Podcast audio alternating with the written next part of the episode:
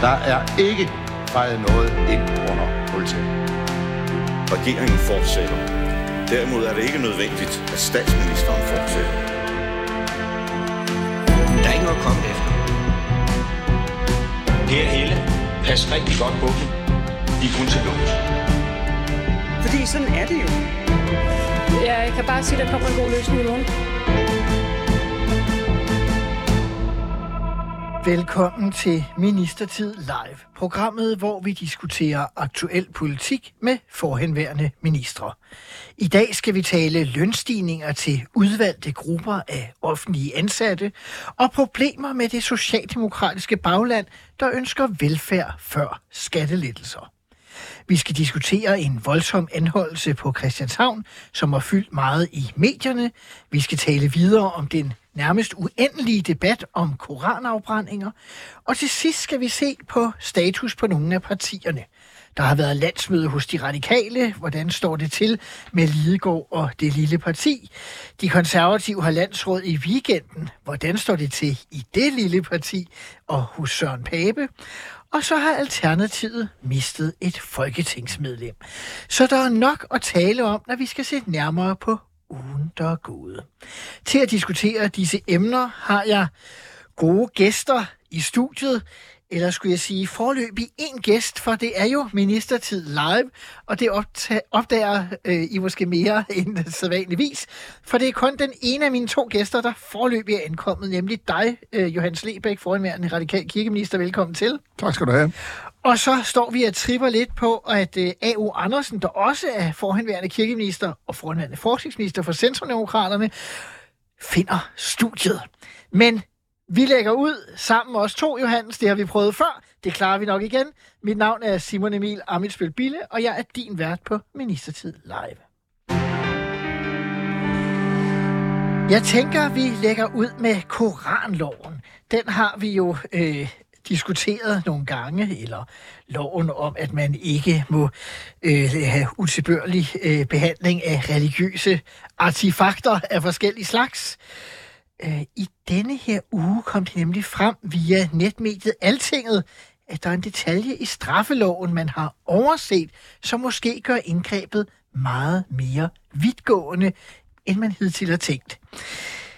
Det er nemlig sådan, at øh, hvis man ser øh, på det, så øh, er øh, det her nye forbud under straffelovens kapitel 12, og i straffelovens paragraf 136 står der, at den, der offentligt udtrykkeligt billiger en af de i denne lovs 12. eller 13. kapitel omhandlende forbrydelser, straffes med bøde eller fængsel indtil tre år. Sagt på almindelig dansk, hvis du billiger koranafbrændinger eller lignende, så vil du kunne komme i fængsel. Johannes Liebæk, hvad var din øh, første reaktion, da du hørte det? Min, min første reaktion var, at man er godt nok kommet på et juridisk skolerit i, øh, i regeringen i det her tilfælde åbenbart. Man har med vold og magt vil undgå at genindføre en blasfemi øh, øh, lov, ja. øh, og så har man, så har man øh, forsøgt at lave et nålestiksoperation, og nu er man ude og sejle, og det er på sin vis ubehageligt for regeringen, for jeg kan på mange måder godt forstå, og det kan mit parti jo egentlig også kan se, at der har været behov for på en eller anden måde at stoppe øh, de der util, utilbørlige handlinger. Øh, men samtidig med, at man vil stå på hovedet for, at det samtidig skal være muligt at kritisere religioner på en eller anden måde. Så det, det er et juridisk skolerit, som jeg synes er svært at forstå. Øhm, så lad os nu se, hvad øh, juristerne... Det kan undre mig, at de jurister, der sidder i Justitsministeriet og skal udforme det her, ikke har været opmærksom på den der nye opdagelse. Men i det hele taget, så virker det vel som om, at det, det der begyndte med at skulle være en nålestiksoperation, det bliver bredere og bredere og bredere. Altså det startede om, at man talte om at forhindre nogle afbrændinger foran nogle ambassader, og nu er det snart en hvilken som helst behandling af religiøse artefakter, hvor som helst med offentlig udbredelse, og nu måske også strafbart, bare du billiger det.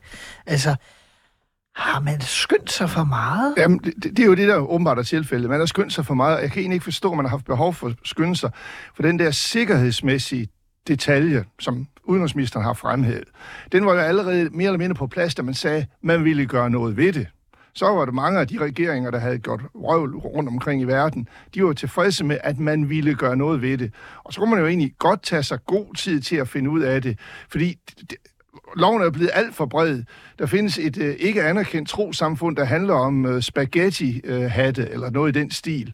Og der har man gjort opmærksom på, at hvis man så øh, forulemper spaghetti, vil den, øh, det ikke anerkendte trosamfund så kunne gøre sig det gældende, at det var utilbørlig adfærd og så Fordi videre. man i loven ikke aner, eller adskiller... Når man adskiller ikke øh, øh, anerkendte og ikke anerkendte trosamfund. Og det vi har med at gøre er jo, at man gerne vil beskytte Danmark mod konsekvenser fra trosamfund, der har stor politisk betydning også. Det er jo det, der reelt er baggrunden for det her, men det tør man måske ikke sige højt.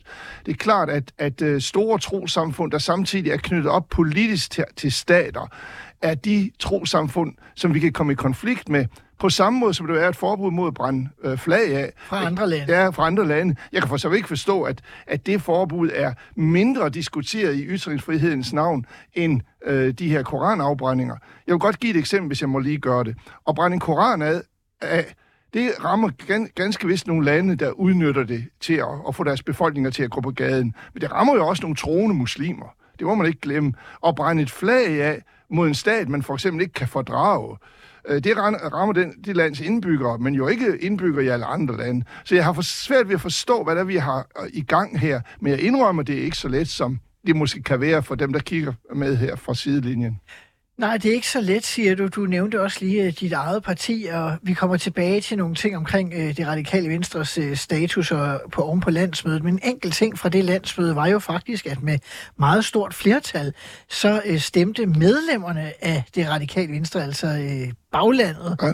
øh, imod, at man skulle lave indgreb i forhold til Jamen, det, det, det har jeg noteret mig, og det er jo måske meget, øh, øh, meget forståeligt, at det er baglandet, der gør vrøvl ud fra det princip, at man vil ikke øh, give køb på ytringsfriheden.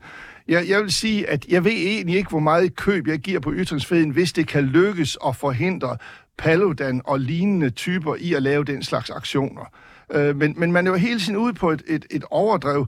Jens Jørgen Thorsens Jesus-figur, som var kom frem for det er næsten 20-30 år siden, øh, var jo også til stor diskussion dengang, og måtte han det, måtte han ikke det. det der skulle være kunstnerisk frihed. Jeg kan se, at mit eget parti har kæmpet for, at der skulle, man, man, hvis det var kunstnerisk frihed. Men hvem kan sige, at Paludan ikke også er kunstner? Altså, det, det er jo utrolig vanskeligt øh, at, at, at, at definere det. Men jeg kan godt forstå, at, at baglandet øh, på, på landsmødet øh, tager den beslutning. Det, det ville jeg også have forventet, at de gjorde.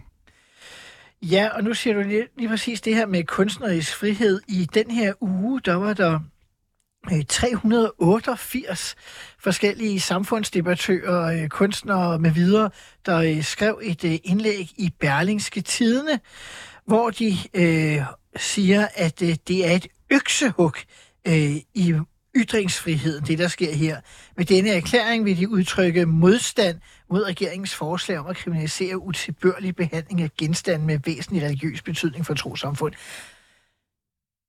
Tror du sådan noget overhovedet gør indtryk på en regering?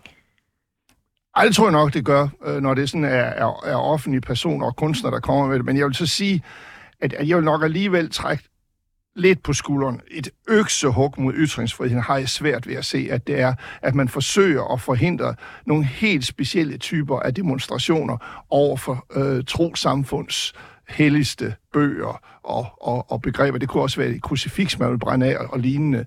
Øh, det, det har jeg virkelig svært ved at forstå. Men jeg er også en pragmatisk type, så, så jeg har nok, jeg, jeg synes egentlig godt, at man samtidig kan skrue lidt ned for de hellige øh, dyder øh, til fordel for noget pragmatik.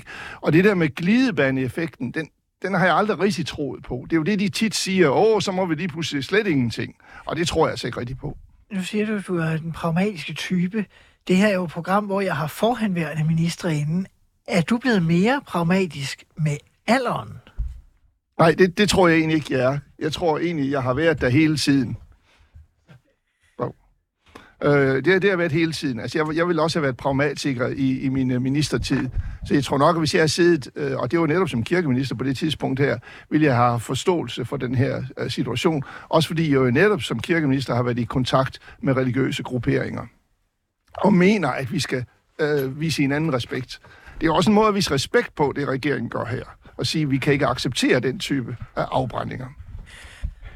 Og så har vi fået øh, A.O. Andersen, forhenværende kirkeminister også, og forhenværende forskningsminister i studiet. Det var dejligt, at, øh, at du fandt vej, Arne.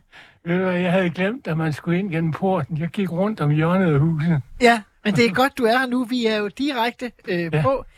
Øh, og vi er gået i gang med at diskutere spørgsmålet omkring øh, øh, det her med forbud mod afbrænding af koraner og, og lignende. Øh, der er jo kommet en øh, meddelelse i går om, at øh, justitsminister Peter Hummelgaard nu siger, at øh, ah, måske kan man godt øh, give nogle indrømmelser og se på, om man alligevel er, er gået for vidt. Jamen, det, Det bliver man nødt til, for man er gået for vidt. Ja, vil du uddybe det? Ja, det ved jeg godt. Altså, de bebudede jo, at de ville ramme, jeg tror, de brugte udtryk som med kirurgisk præcision, lige præcis de der grove krænkelser af folks følelser. Og de har fået formuleret paragrafen sådan, at den kan bruges til, jeg havde nær sagt alt muligt. Og jeg er da enig med Birte Røn Hornbæk, den gode gamle liberale drage, En tredje tidligere kirkeminister. også det, øh, at, øh, at ytringsfriheden er aldrig ubetinget, for vi skal kunne være her for hinanden. Og jeg har haft, øh, jeg var i 90'erne øh, impliceret i øh, dialogfora mellem kristne og muslimer, og har mange muslimske bekendte, som jeg har stor respekt for. Og jeg ved, at bogen har en helt, helt anden og meget mere central betydning for muslimer, end Bibelen har for de fleste kristne. Altså når vi lige kommer uden for det amerikanske bibelbælte. Men, men, men ellers så er det jo ikke, for os er det jo ikke bogen, det er helligt. Det er det, bogen peger på, det er helligt. Og det gør en væsentlig forskel. Men er man ikke i den situation, at det, det er teoretisk nemt at sige, at man skal gøre det meget præcist, men lige så snart man skal gøre det i praksis, så er man jo nødt til, at man ikke må diskriminere og så videre, og så videre. Men det er jo jura. Og så bliver det besværligt. Når politikerne øh, støder ind i Nå, ja. Jamen, jeg har tilbragt mit, mit hele erhvervsliv i forsikringsbranchen. Og folk øh, snakkede altid om, at vi skulle skrive de betingelser meget enklere. Men så bliver de bare ikke præcise nok. Og, og, og der er simpelthen noget modstrid der. Men altså det, som, det, som irriterer mig noget for grofuldt, det er alle de krumspring, man laver for at forklare den undrende omverden, at man har fortrudt, at man afskaffede den blasfemiparagraf, som havde eksisteret siden krigen, eller siden før krigen, for at stoppe de der hadpropagandaer, der var i gang dengang, mod jøder først og fremmest. Og øh, Der er jo faktisk eksisteret altid. vi har en næsten sikker forvisning om, at domstolene ville have anvendt den med uhyre skønsomhed. Da vi har faldet nogle domme i de aller, aller groveste tilfælde, men ikke andre. Det er helt overbevist om, så meget tillid har jeg til vores retsvæsen. Men hmm, er politikere og indrømme, at man har begået en fejl, det er cirka lige så umuligt, som er en teenage muslimsk pige og indrømmer, at hun ikke er jomfru. Jeg tror, vi øh, lader den øh, holde der øh, for i dag. Jeg er sikker på, at vi kommer til at få flere kapitler om spørgsmålet om koranafbrændinger og lignende. Vi har nemlig en række andre sager, vi også skal nå de næste 40 minutters tid. Øh, den første af dem, jeg gerne vil tage fat i, det er spørgsmålet om løn i den offentlige sektor. For statsminister Mette Frederiksen har været ude at sige, at der er nogen, der skal have mere i løn. Øh, nemlig fire bestemte øh, grupper, øh, som fremadrettet skal have lov til at have øh, mere i løn øh, end andre, men ikke alle andre offentlige ansatte grupper. Det betyder jo, at nogle af dem, der skal have socioassistenter øh, øh, øh, og så videre, de er ude og sige, at de er utrolig glade, mens nogle af dem, der ikke skal have politi og så videre, de er ikke helt øh, så tilfredse. Øh, Mette Frederiksen har jo også tidligere advaret om, at øh, man gjorde netop det. Jeg vil gerne lige øh, spille et klip for jer. Øh. Jeg har meget stor sympati for, at øh, der er store grupper i samfundet, der ønsker højere lønninger. Øh, selvfølgelig har jeg det.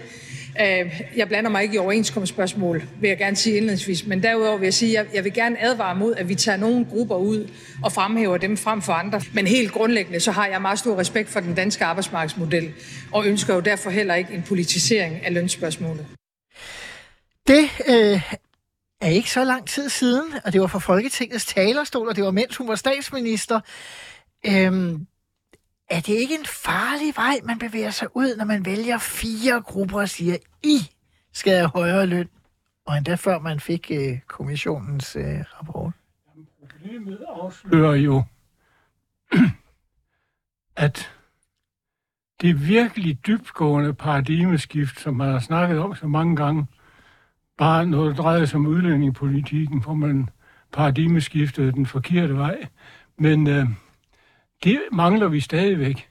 Vi mangler stadigvæk at erkende, at lige så sikkert det er, at markedsøkonomi er den mest effektive og smidige måde at styre produktion og fordeling af varer og tjenesteydelser i den private sektor, så støder det ind mod, at vi har vedtaget, at der er en række kerneopgaver, vi vil løse i fællesskab. Dels i den offentlige sektor, dels i non-profit organisationer, øh, mere eller mindre bundet af driftsoverenskomster med det offentlige. Og det betyder i faktisk, at vi har en kastreret markedsøkonomi. Den gælder kun for det halve af markedet, nemlig de privatproducerede tjenesteydelser. Og hvad betydning har det for lønnen? Det har den betydning, at hvis markedsøkonomien omfattede hele markedet, så tror jeg, men det er, kan man vanskeligt efterprøve, at den reelle efterspørgsel efter sundhedsvæsenet og nogle af forsorgens tjenesteydelser reelt er langt større end efterspørgselen efter flere privatproducerede dimser af forskellige art, som i øvrigt belaster klodens materielle ressourcer i et omfang, som vi ikke har råd til. Så og, og dirigere noget efterspørgsel, det er, en, det er blevet et dogme, at den private sektor skal angive niveauet her i samfundet, fordi de private, der tjener pengene, det er noget fordrukken sludder. Altså dem, der knokler... Så, så du har ikke noget problem med, at man sætter øh, lønnen op for offentlige Jeg har ansatte? noget problem med, at man ikke gør det konsekvent, at man får kigget grundigt på hele modellen. Hvordan kan vi på en eller anden måde spænde efterspørgselen for også de ydelser, den private og den, eller den offentlige og den halvoffentlige sektor. Det mangler vi at komme i gang med en rigtig grundig diskussion af. Men indtil vi måske får den, så i forhold til lønspørgsmålet, Johannes Lebæk, hvad tænker du, når statsministeren nu går ind og siger, at der er fire faggrupper, de skal have en særlig lønforholdelse i den offentlige sektor? Altså, i første omgang har jeg en vis forståelse for hende. Men øh, jeg kan jo Hvorfor? se... Jamen, fordi at, at der er jo de, lige præcis de områder er der meget stor efterspørgsel efter arbejdskraft, og der er stor mangel på arbejdskraft til synlande. Men det er jo et meget kompliceret spørgsmål. For eksempel hele vagtspørgsmålet så jeg lige, at et af problemerne på sygeplejeområdet er jo, at det er nogle få, øh, en, ikke en lille gruppe, men en ikke hele gruppen af sygeplejersker, der for eksempel påtager sig øh, nattevagter. Det er en lille gruppe, der bærer en ekstraordinær stor byrde. Det vil man måske prøve at lave om på, men så risikerer man, at nogen forlader området. Jeg tænker, øh, som i jagttager kan jeg jo se, at hun er kommet i grint, også det klip, du kom med før, hun er kommet i, i, i enorm krydsild, fordi øh, det at gå ud og, og nævne fire konkrete grupper betyder, at alle de andre grupper, nu så jeg lige øh, Dansk Metals formand Claus Jensen, han har også været ude og skælde ud over det her, selvom Dansk Metal jo normalt ikke er dem, der er dårligst til at få gode lønninger. Fordi dem, hun har nævnt, er sygeplejersker, socio, ja. pædagoger og fængselsbetjente. Ja, og, og, og, og det er så dem, det er jo nogle områder, som vi godt ved, der er mangel på. Men, men det gør jo ikke, at, at, at grænseområder, hvor der også kan være svært at rekruttere, ikke synes, at de også skal have. Så det, det hun gør, det er jo reelt at gå ind og blande sig i et, i et område, hvor hun i hvert fald i princippet har sagt, at hun ikke vil blande sig. Og så kan man, jeg har en eller anden i, i, generelt har en eller anden mærkelig oplevelse af det, af det øh, offentlige arbejdsmarked. Fordi vi leger, at det er et arbejdsmarked, ligesom det private, hvor man kan føre øh, strejker mod hinanden og, og, og, og kan ud, udholde. Jamen, det, det er jo ikke rigtigt. Man, de, de, det er jo symbolpolitik meget af det, det hele. Hvor, hvor, og det er jo sådan set også det her, det afspejler. Mette Frederiksen føler, hun skal vise, at regeringen kan gøre noget for de her grupper, hvor der er mangel på arbejdskraft. Og så går hun ind og laver den her måske fodfejl. Men er sandheden ikke, at øh, i virkeligheden, når der så skal laves overenskomster, så vil alle de andre forbund jo øh, kræve nogle større lønstigninger for at komme øh, hen i nærheden af dem, som får den her særlige fordel på forhånd? Vi har jo vedtaget som et dogme, at det er den private sektor, der skal, Jeg tænker inden for den offentlige sektor. skal sætte lønniveauet. Og det er selve det dogme, vi skal have skovlen under i de områder, hvor efterspørgselen rent faktisk er både større og væsentligere, end den er på nogle af de private områder. Men risikerer det ikke at være farligt for nationaløkonomien, hvis den offentlige sektor bliver lønførende? Det kommer an på, om vi ikke snart er ved at komme ud over den blinde vækstøkonomi som det store ideal. Her står du og taler med en liberalist, det har jeg også svært ved at forstå. Ja, det, det er jeg fuldstændig klar over. Men jeg, jeg er også en mærkelig blanding af værdikonservativ og socialdemokrat. der er jo det interessante, at, at lige præcis på det her område, nu det Arne, han taler om det er konkurrence med det, med, med det offentlige, de offentlige lønsystem over for det private lønsystem. Lige præcis sygeplejerskerne har jo i et vist omfang nogle valgmuligheder med at forlade det, det offentlige system og gå over i et privat system. Og derfor, derfor kommer systemerne alligevel til at... Fængselsbetjentene kan ikke endnu i Danmark i hvert fald. Øh, de bliver nødt til at være offentligt ansatte, indtil vi måske øh, liberaliserer det øh, og, og, og, og får private fængsler, ligesom i USA. Men, men, men, det forestår jeg faktisk, da jeg var politisk. jeg tænkte nok, jeg tænkte nok du er vild på det punkt. Men, øh, men øh, øh, det, det er et meget kompliceret område. Man afsat jo nogle milliarder til at løse den her, øh, rekruteringspro- det her rekrutteringsproblem. Og det er jo for så vidt det, hun, øh, statsministeren prøver at leve op til nu. Men jeg skal da lige love for, at det er gået helt galt for hende. Endda over for hendes venner i fagbevægelsen er det gået galt. Men I har jo begge to i virkeligheden sådan en meget det var at sige, meget positiv tilgang at sige, nå, men det er fordi, der er mangel på arbejdskraft lige på de her områder, og derfor er det en markedsmekanisme, vi lidt fører over og får større efterspørgsel. Og den forklaring giver også mening. Man kunne jo også være mere ondskabsfuld og sige, hun vil gerne markere i forhold til nogle utrolig store vælgergrupper, at dem sætter hun særlig pris på, så her får I nogle penge. Og hun ved, at lige om lidt, så skal hun levere skattelettelser til Venstre, endda topskattelettelser, og derfor så er hun nødt til at få noget, så nogle af de her brede socialdemokratiske vælgergrupper kan lide, før de lige om lidt skal betale ved kasse 1. Fordi så skubber hun også til det private forbrug, der i forvejen er alt for stort. Men, tror du, men, men kan du se analysen, Arne, i, det kan jeg sagtens. i forhold til, at, det kan jeg sagtens. at hun skal sørge for at købe fred? Se, jeg kan også sagtens se, at det der med den danske model i høj grad er en fiktion, når vi snakker om den offentlige sektor. Fordi bag de offentlige arbejdsgivere, der står jo lovgivningsmagten, som når som helst kan træde ind i arbejdsgiverrollen og kortslutte hele systemet. Præcis. Hun har, hun har mange problemer, fordi du kan se, det, den her sag bliver jo så koblet sammen, som du selv forsøger at gøre det her, med hele velfærdsdiskussionen og de skattelettelser, der kommer. Jeg kan se, at borgmesterne rundt omkring øh, varmer op til det socialdemokratiske, øh, socialdemokratiske kongres her, eller hvad det nu er i årsmøde. Øh, det er lidt forskelligt, hvad de holder. Der er borgmesteren i Sønderborg har været ude, borgmesteren i Frederikshavn har været ude, og de, de råber alle sammen omkring, at det problem, de har ude i kommunerne, hvor de ikke kan leve op til deres velfærdskrav, de velfærdskrav, de mener, der er legitime i kommunerne, og så står Mette Frederiksen deler millioner ud til andre grupper, og vi får i øvrigt at vide i, i, i vores sender, at Danmark har haft så god en økonomi, som den har nu, og så videre, og så videre. Der er virkelig gang i den her, må man sige. Om det medfører et paradigmeskifte, øh, eller store forandringer, det bliver jo spændende at se. Men altså, ja, fordi det gør det vel næppe, for vi har jo den her flertalsregering, der har sit flertal på plads, og den gør vel bare, som den har tænkt sig, så der er nogle udvalgte grupper, der får nogle penge, der er nogle andre, der får nogle skattelettelser, så håber de alle er glade af kommunerne. Det vil jeg også sige som tidligere indrigsminister. De har jo skrevet hvilket som helst år, lige meget hvordan økonomien har været. Og det, nogle gange skal man jo også passe på sin egen troværdighed. Hvis man råber både i gode og i dårlige år, så er der jo færre, der lytter til en i dårlige år. Der har været meget ulv, det kommer. TV2 har øh, i forlængelse af det, du siger, Johannes Lebeck, lavet en rundspørg til socialdemokratiske byrådsmedlemmer.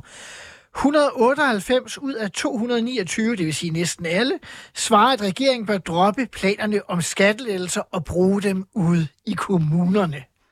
Det er ikke så underligt, at kommunalrødder siger, det ville jeg også have sagt i de to perioder, jeg sad i en kommunalbestyrelse. Men skaber det ikke et yderligere pres på Mette Frederiksen? Eller kan hun bare overleve det her? Der er jo et problem i vores offentlige sektor, det er jo, at antallet af ansatte, uanset den ene nedskæringsrunde efter den anden, stiger jo rent faktisk fra år til år. Men hvad er det for nogle lag i systemet, der har stigende ansættelse? Hvad er det for nogle kontrolkrav og tilsynskrav, der gør, at ledelseslagene, navnlig mellemledelseslagene, bliver tykkere og tykkere, mens der mangler folk i, i de, til de udførende opgaver. Så vi kommer hen i en overadministreret offentlig sektor med for få varme hænder. Måske. Det er i hvert fald, hvad jeg har set helt nye undersøgelser af. Jeg kan tilstå med det, Arne siger. Simpelthen, jeg har meget respekt for vores embedsværk. Så, så er der en mærkelig tendens til, for eksempel efter kommunalreformen, hvor man troede, at det skulle kunne give færre ansættelser i, i ledelseslagene, så er der faktisk kommet flere til. Kommunikationsområdet er eksploderet. Der er journalister overalt i den offentlige sektor til at forklare, hvordan den offentlige sektor er skruet sammen. Men samtidig med, at aviserne rundt omkring, de skærer ned og afskediger journalister, der skal øh, holde øh, statsmagten øh, i ørerne. Der er nogle ting her, som, som, som, som man kan godt øh, som gamle kan undre sig lidt over. Og det er en god overgang til det næste emne, vi skal tale om. Måske lidt søgt, men alligevel. Vi skal i hvert fald se på journalister, som øh, har været meget oppe og køre efter en lidt voldsom anholdelse på Christianshavn, lidt uden for Christiania. Der kommer kørende en mand på en cykel. Han holder, holder ikke en telefon, betjener den. Og det ender i hvert fald med, at han bliver stoppet. Han vil ikke oplyse sit øh, navn og, og så videre. Han ender nede på jorden i en meget voldsom øh, anholdelse, der også ender med peberspray. I skal lige prøve at høre et øh, klip af selve anholdelsen. I skal stoppe! I skal stoppe! Jeg er i gang med at hente mit børn, og hvad sker der? Hvad er med far til mig? Stop så! Det er en familiefar, der henter sine børn. Hvad er det, I laver, mand? Hvad snakker I om? Jeg har ikke gjort noget! Jeg slapper af, det jeg der ikke slapper af! Stop så med det der fucking Stop med det vold! øh, når man hører det. Øh, der har været meget diskussion. Der har været meget diskussion om, øh, man har fået hele øh, situationen med, at man kun har filmet noget, det lyder under alle omstændigheder, som sagde meget voldsomt, når man hører det. Øh, der har været meget til, at det var en familiefar, en chefredaktør osv. Øh, men der har også været, øh, været andre øh, stemmer, blandt andet øh, Weekendavisens øh, Søren Villemos var ude at sige, at det er fuldstændig efter bogen, skrevet en analyse af det, at øh, man skal oplyse sine ting, man skal efterkomme øh, de øh, henstillinger, der kom fra politiet. Havde han gjort det, var der egentlig ikke noget at, at komme efter, ikke været nogen sag. Øh, og senest har så Venstres øh, politiske ordfører Morten Dalin været ude at sige, at måske er det slet ikke en god idé, at folk de sådan deler videoer af politiet øh, og deres arbejde. Hvis vi lige skruer lidt tilbage. Altså, når I har øh, fulgt med i den her sag, øh, hvilket indtryk sidder du tilbage med, øh, Arne? Ubehageligt indtryk. Men Øh, jeg må også lytte til den øh, sagkyndige, der sagde, at det er altså ikke uden videre en ulempe for den anholdte, at de er fire om at holde ham. Fordi så bliver han formodentlig holdt ned på en mere stilfærdig måde, end hvis der var to, der skulle slås for at holde ham nede. Hvis det er rigtigt. Og vi har jo ikke ret meget andet at se på. Det, jeg har meget svært ved at affinde mig med, det er brugen af peberspray efter han faktisk er pacificeret. Fordi han ligger på jorden med de... Ja. så vidt jeg husker, så advarer de ham om, at han får peberspray, det skal, hvis han ikke øh, er stille, og det skal man jo også ifølge øh, loven. Ja. Men du tænker, at det er et unødigt magtanvendelse? Ja, det mener jeg. Men øh, Hvordan har du oplevet det? Jamen, jamen jeg, jeg, har, jeg, jeg bliver først og fremmest ked af det. Øh, på, på alles vegne. Det, det er jo en situation, næsten er uigennemskuelig, fordi øh, han kan godt have været lidt provokerende. Og de, de politifolk, der har været det, de har måske været lidt oppe at køre på det tidspunkt. Øh, og så kommer der en øh, smart øh, jo- øh, journalistredaktør cyklende og taler i mobiltelefon, hvad man ikke må, når man cykler. Det kunne være rart, hvis folk ville lade være med det. Så beder man ham at holde. Hvis det så er rigtigt, de har, at han, han, han, han er blevet sur og ikke ville opgive sig, øh, sin, ad, sin, sit navn og adresse, så er det, så er det gået af galt, og så kan, må man konstatere, det vil i hvert fald være min umiddelbare, så er de der politifolk blevet sure. Og så er de gået over gevind. Det, der er ingen tvivl om, den, den situation er blevet for voldelig. Og jeg vil tro, øh, de politifolk, og jeg vil gerne tro det bedste om dem, de selv bagefter kan se, at det gik helt galt. Øh, vi, vores adrenalin kom til at køre alt for meget. Han fik os provokeret alt for meget. Altså, det eskalerer simpelthen for... Det eskalerer for dem. Og måske også for, for journalisten, øh, fordi han måske også i baghovedet har øh, reportager fra amerikanske anholdelser osv. osv. Hvem ved, hvad der er sket, men det er gået helt galt, og man bliver næsten mest ked af det, synes jeg, at, det, at der kan komme sådan en dum episode øh, øh, i, i, i Danmark ved siden af Christiania, hvor der øh, ved, ved grød er nok andre problemer at tage sig af. Men hvad tænker I om øh, den diskussion, der så har udspillet sig efter øh, Venstres øh, politiske ordfører Morten Dahlin øh, har været ude og sige, at det måske også er problematisk, at folk de bare øh, går og... Ikke at de filmer, det siger han sådan set er okay, men det her med, at det bliver spredt sådan nogle her videoer. Jamen altså, vi kan jo ikke begynde at lægge en dæmper på spredning af oplysninger, der faktisk er rigtige. Så er vi, så er vi jo et helt andet sted i forhold til ytringsfriheden med koranforbud. Men jeg synes jo, det er sjovt, fordi han siger sådan, at, øh, at han synes, det er en uskik. Desværre er der også politikere på venstrefløjen, der hopper med på den vogn. Og her sidder jeg med to moderate øh, øh politikere, fra, der har repræsenteret to midterpartier i regeringer. Altså, I er jo ikke sådan klassiske venstrefløjspolitikere, tænker jeg jeg er enig med Arne i, at, at det kan jo ikke hjælpe noget. Altså, vi, vi talte før om koranafbrændinger skulle være et brud i ytringsfriheden. Der er nogle folk, der sidder en episode på gaden og optager den og, og spreder den på de sociale medier, og vi må leve med, at de sociale medier er der i dag.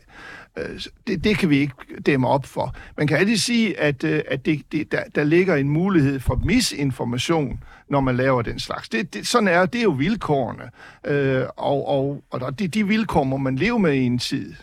Men selvom, I at, nutiden, ja. men selvom at øh, det eskalerer, I siger, at det ser ubehageligt ud, det er for meget og så videre, så er det vel også stadig sådan, at man kunne sige, her kommer en mand cyklende i en visitationszone, i en dobbelt strafzone, øh, bliver stoppet af politiet, som jo er der af en grund, nemlig at der er nogle særlige forbrydelser, man gerne vil have, have styr på. Der bliver meget hashhandel og så videre, man gerne vil prøve at gøre noget ved. Vil det klogeste ikke bare være at sige, okay, jeg står af cyklen, jeg øh, oplyser det, jeg skal, jeg modtager bøden, og jeg er uenig med den, så klager jeg i stedet for at gå amok. Selvfølgelig. Altså, Det synes også, det jeg antydede før, at det er en situation, som jeg, jeg ser for mig eskalere fra begge sider.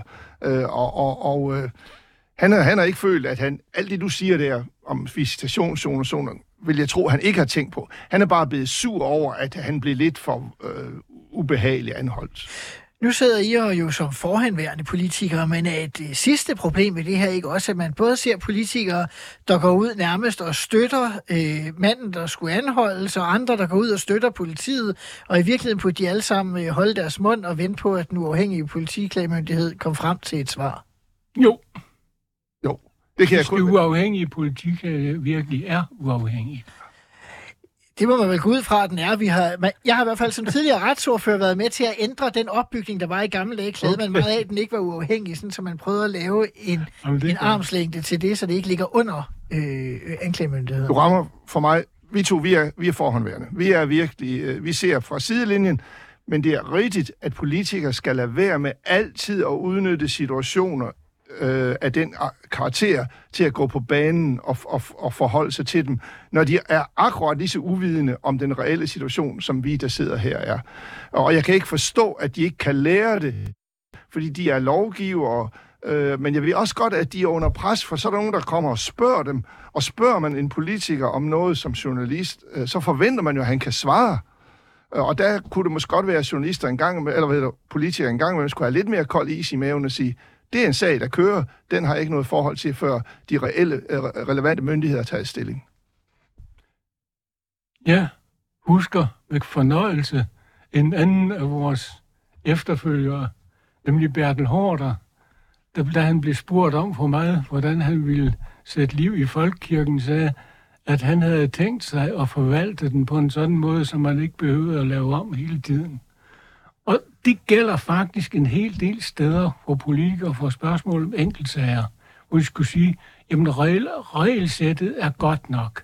Og lige det område, det er regionens eller det er kommunens ansvar, og det forventer jeg, at de lever op til.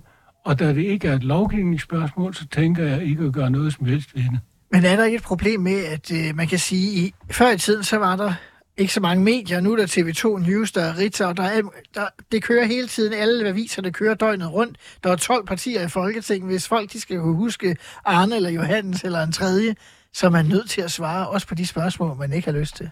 Jo, det kan godt være, Simon Emil. Nu er det jo både foranværende politiker og journalist. Så skal vi blive enige om, det er journalisterne, der er problemet? Nej, Det ved jeg ikke. Det er jo kun Det problemet, at det problemet nok. er vel politikernes det svar. går nok ikke. Vi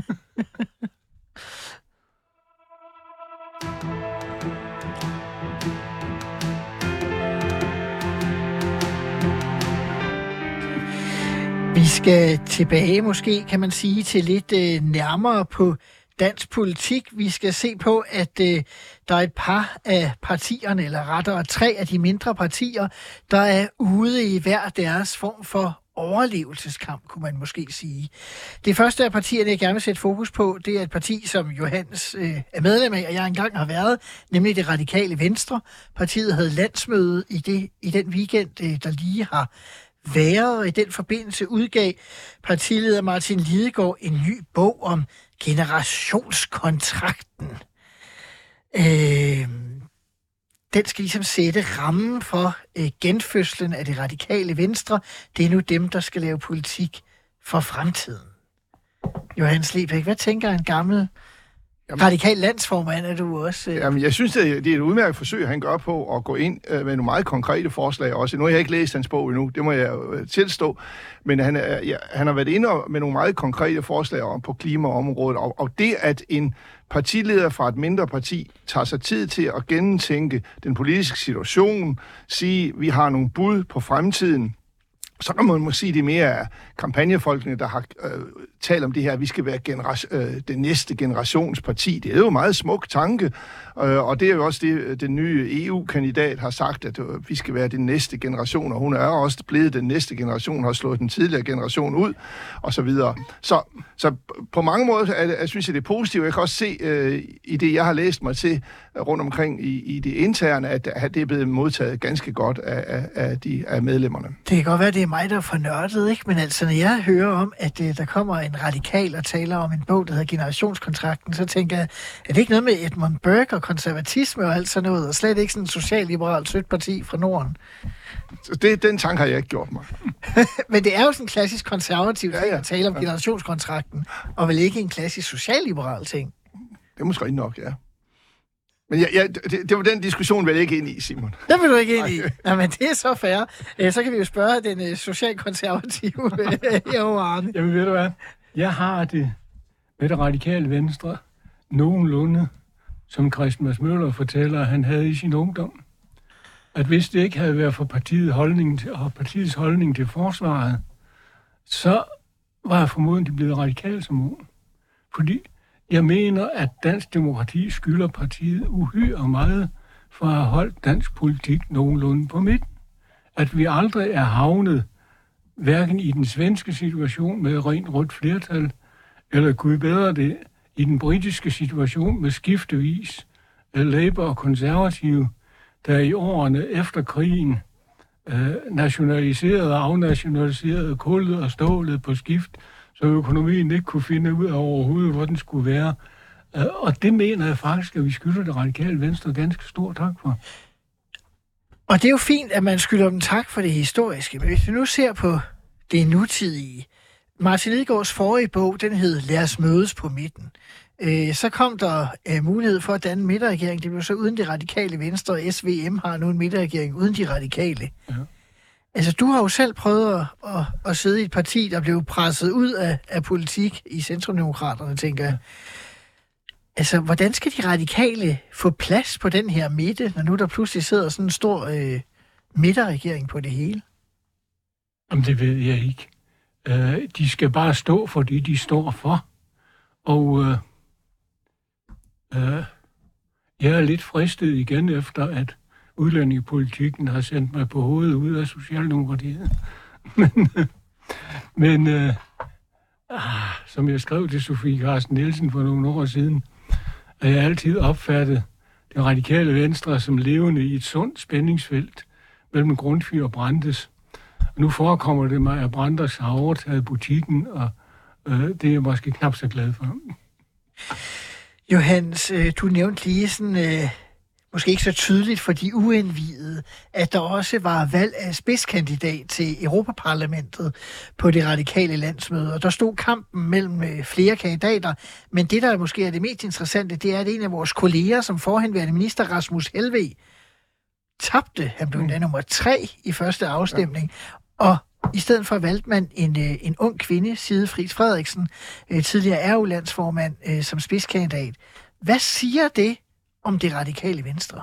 Det siger jo det, at, at græsrødderne bliver begejstret, som, som Svane skrev i politikken, bliver begejstret for engagementet og, og, det, og det ungdomlige viljen til at føre, føre kampagne. Jeg fik faktisk et déjà vu, hvis du går tilbage til øh, vores landsmøde i 2008. Der var der også en tidligere minister, den der sad i Europaparlamentet, der tabte til en ung kvinde, nemlig til Sofie Karsten Nielsen, der blev spidskandidat. Det var dig, der var den tidligere minister. Det var mig, der var den tidligere minister. Og det var meget smertefuldt for mig at tabe dengang. Det vil jeg gerne indrømme, for jeg synes ikke, det var helt fair. Hun havde, til gengæld var det fair nok set fra Sofies side. Hun har i mange år kæmpet for at blive øh, kandidat. Hun havde radikal ungdom bag sig. Der var godt nok en afstemning radikal ungdom mellem os, hvor der kun var fire stemmers forskel. Men det kom jo ikke frem på landsmødet. På landsmødet var der radikal ungdomskandidat. Det var de unges kandidat. Det var ikke den gamle minister. Der var der en, der sagde, vi skal ikke have alle de afdankede ned i Europaparlamentet. Så der var der også hårdere ord, og det gjorde meget ondt dengang. Og det, er det, jeg siger lidt det samme her.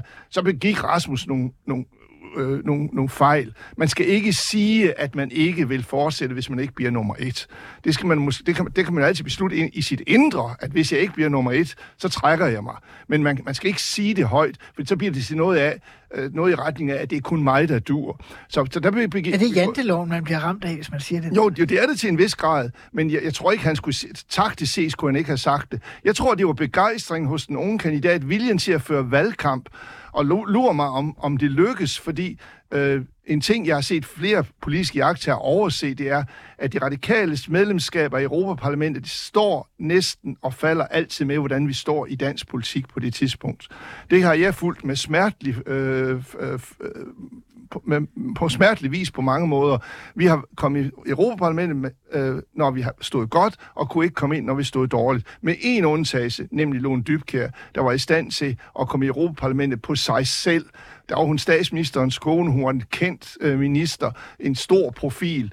Hun gjorde det uden at partiets øh, normale tal var bag. Men ellers har vi ikke kunne komme ind, uden tallet normalt er bag. Men meget er vel meget unormalt, når der også pludselig er 12 partier, og faktisk ikke særlig mange kendte kandidater, hvis man ser på de spidskandidater, der er valgt. Det er nærmest Stine Bosse, der er den eneste kendte. Måske jo, sammen med Morten Lykkegaard. Hvis du ser pragmatisk på det, så er jeg da ikke i tvivl om, at mange vælgere vil nok lettere kunne genkende Helve på, på øh, stemmesedlen end Siri Fris. Men det, jeg egentlig ville hen til, det var, at valget siger det også noget om i virkeligheden, at den der måde, Arne nævnte det med, om Brandes havde overtaget fuldstændig i partiet, men i hvert fald den der nyt skabelse af at se partiet som partiet for fremtiden, i stedet for måske det der pragmatisk, økonomisk ansvarlig, social ansvarlig, vi andre kendte. Jeg tror, det er begejstring, der har været på, på, på landsmødet, som, som betød, at, at, at hun valgte. Øh, men det er jo bemærkelsesværdigt, at han ikke engang blev nummer to. At det var, det var, han blev slået ud allerede i næst sidste runde. Fordi han også blev slået af tidligere folketingsmedlem Anne-Sophie Kjell. Ja, ja. Og, og, og, og, og der kunne jeg måske... Øh, kan det undre mig, at Anne-Sophie Kallesen så ikke vandt, men, men det gjorde hun ikke. Det blev den, den begejstring. Og det har jeg som, som sagt mødt tidligere, at radikal ungdoms øh, engagement og vilje til at føre kampagne, det er noget, landsmødet godt kan lide. Vi hopper fra et Europaparlamentskandidatur og landsmøde til, at der i denne weekend skal være landsråd hos de konservative. Og der er spørgsmålet om Europaparlamentskandidat jo om noget også kommet i fokus. Øh, i alle kender øh, sagen, så jeg behøver ikke beskrive det i detaljer, men at Pernille Weiss, deres nuværende europaparlamentariker, ikke er indstillet af ledelsen. Der har været hele sagen omkring, om hun har behandlet medarbejderne ordentligt nede i Europaparlamentet. Man har i stedet for indstillet hele tre kandidater øh, til toppen. Øh, nuværende folketingsmedlem Niels Flemming Hansen som spidskandidat, og et par tidligere folketingsmedlemmer som nummer to og tre. Det kommer oveni, at man gik fra for et år siden at være statsministerkandidat, stort set det største borgerlige parti, og i dag er bunden nærmest røget ud, og kritikken af Pape er enorm. Man ser tidligere ministre, der kritiserer tidligere folketingsmedlemmer, der kritiserer osv., osv., osv., Arne. Du har jo også det var det, jeg antydede før, jo prøvet at sidde i et parti, hvor at man begyndte at blive presset, altså øh, ser valg, op til valget i 94, 98 og så videre. Hvad kan man overhovedet gøre, hvis man er Søren Pape og ledelsen i K? Jeg mener egentlig, at man kan først og fremmest stå ved det, man står for, og stå ved det, man siger. Altså, vi har kørt meget op og ned. Og det hænger selvfølgelig sammen med, at vores øh, to, måske når det går meget højt, tre, øh, tre ledende figurer, først og fremmest fra kampagnemennesker. Altså i Centrumdemokraterne? Ja. ja. Mimi og Erhardt og Arne ja, Melchior. Måske Melchior, ja. Og ja, også Melchior. Og øh, det var den ene ting, det manglede vi i, i slutfasen. Det andet er, at ved det afgørende, den afgørende valgkamp i 2001, da vi røg ud, der sker der det, at vi havde øh, aftalt og vedtaget og gjort ved at pege på Venstre som ledende parti. Anders Fogh. Ja. Og så sker der det, at midt i valgkampen, eller måske kun en uges tid, eller 10 dage i 19, der begynder Venstre at køre kampagne på, undskyld mit franske, ulækre udlændingepolitik, de senere slog ind på. Og det måtte vi selvfølgelig tage afstand fra.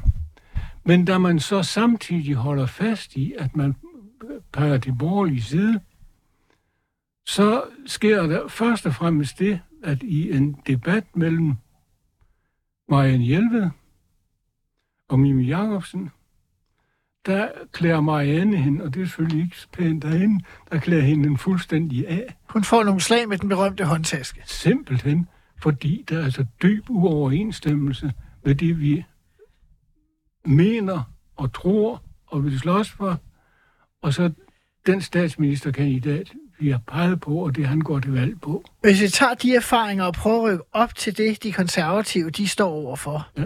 Altså, kan de overhovedet, efter din bedste vurdering, overleve med Pape i spidsen, eller er de nødt til at få nogle andre øh, frem? Det bliver meget svært. Altså, den, den, den stjernemulighed øh, kan de jo hente i en tidligere Europaparlamentsmedlem, men hun vil nok ikke. Det tidligere Europaparlamentsmedlem. Kommission. Nej, kommissionsmedlem. Nå, Connie Hedegaard, som jeg for nylig har haft med i en almindelig omgang ministertid, ja. Ja. Jeg Men- tænker også, hun virker som, hun er ved at være færdig med politik. Ja. Nå, ved I hvad, jeg det er tror... der ikke noget at sige til. Men, men jeg tror, at de får et, det er meget svært. Vi skal lige nå et sidste parti. Det er derfor, jeg lige øh, står og stepper lidt øh, på, på, på fødderne her.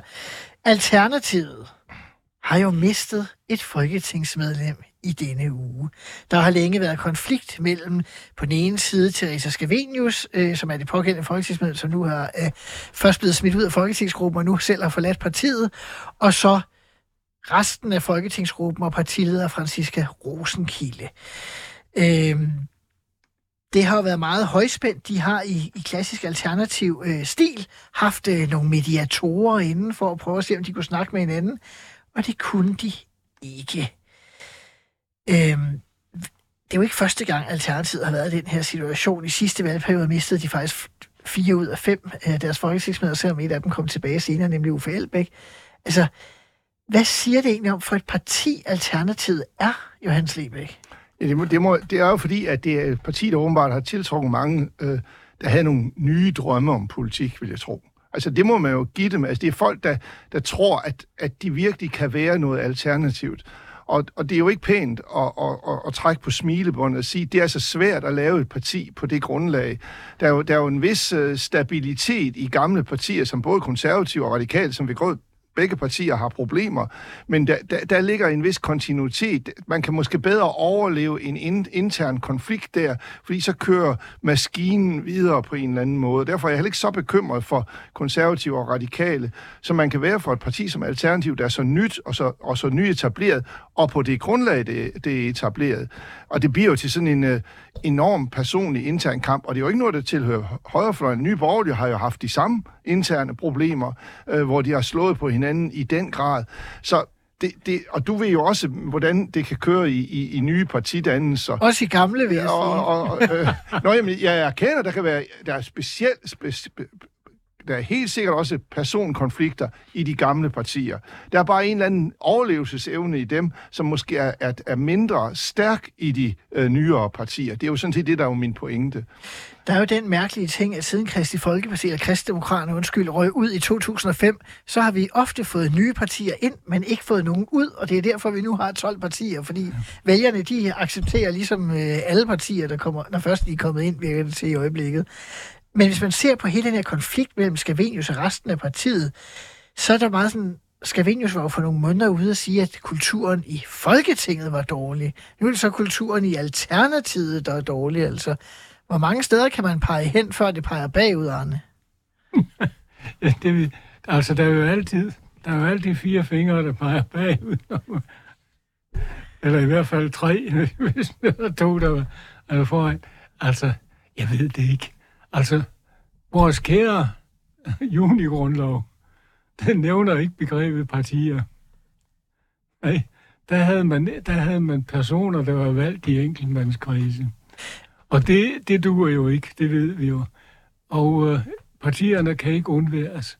Men det er fuldstændig sikkert, i min optik, at hvis man tager fat i det, der samtidig har været nævnt, at man skal have fat i det der partihopperi, at mandatet skal tilhøre partiet og ikke personen, så udstyrer du partilederne med en magt af en art, så du lige så godt øh, kunne give partiet, partichefen otte stemmer i stedet for otte mandater. Aha. Altså, det duer ikke. Det er frie folkevalgte, der står i deres egen ret, og de er formodentlig så solide i, hvad de mener, at de ikke render fra parti til parti hver andet øjeblik. Øh, det tager noget tid. Det er en socialiseringsproces at blive lojal over for et parti, samtidig med, at man holder på sine principper. Men øh, det er nødvendigt. Det bliver det sidste ord i dag. A.O. Andersen, Arne Olof Andersen og Johannes Lebæk. Tak fordi I ville være med i Ministertid Live. Til lytterne skal jeg sige, at jeg er tilbage igen næste fredag med en ny omgang Ministertid Live, hvor vi diskuterer aktuel politik med forhenværende ministre. Og på søndag er jeg klar med det, der hedder Ministertid Special, hvor jeg har besøg af forhenværende politisk ordfører fra Enhedslisten, Pernille Skipper, og diskuterer køn og magtstrukturer på Christiansborg og veksler vores erfaringer både i magtspillet og som kolleger. God fornøjelse.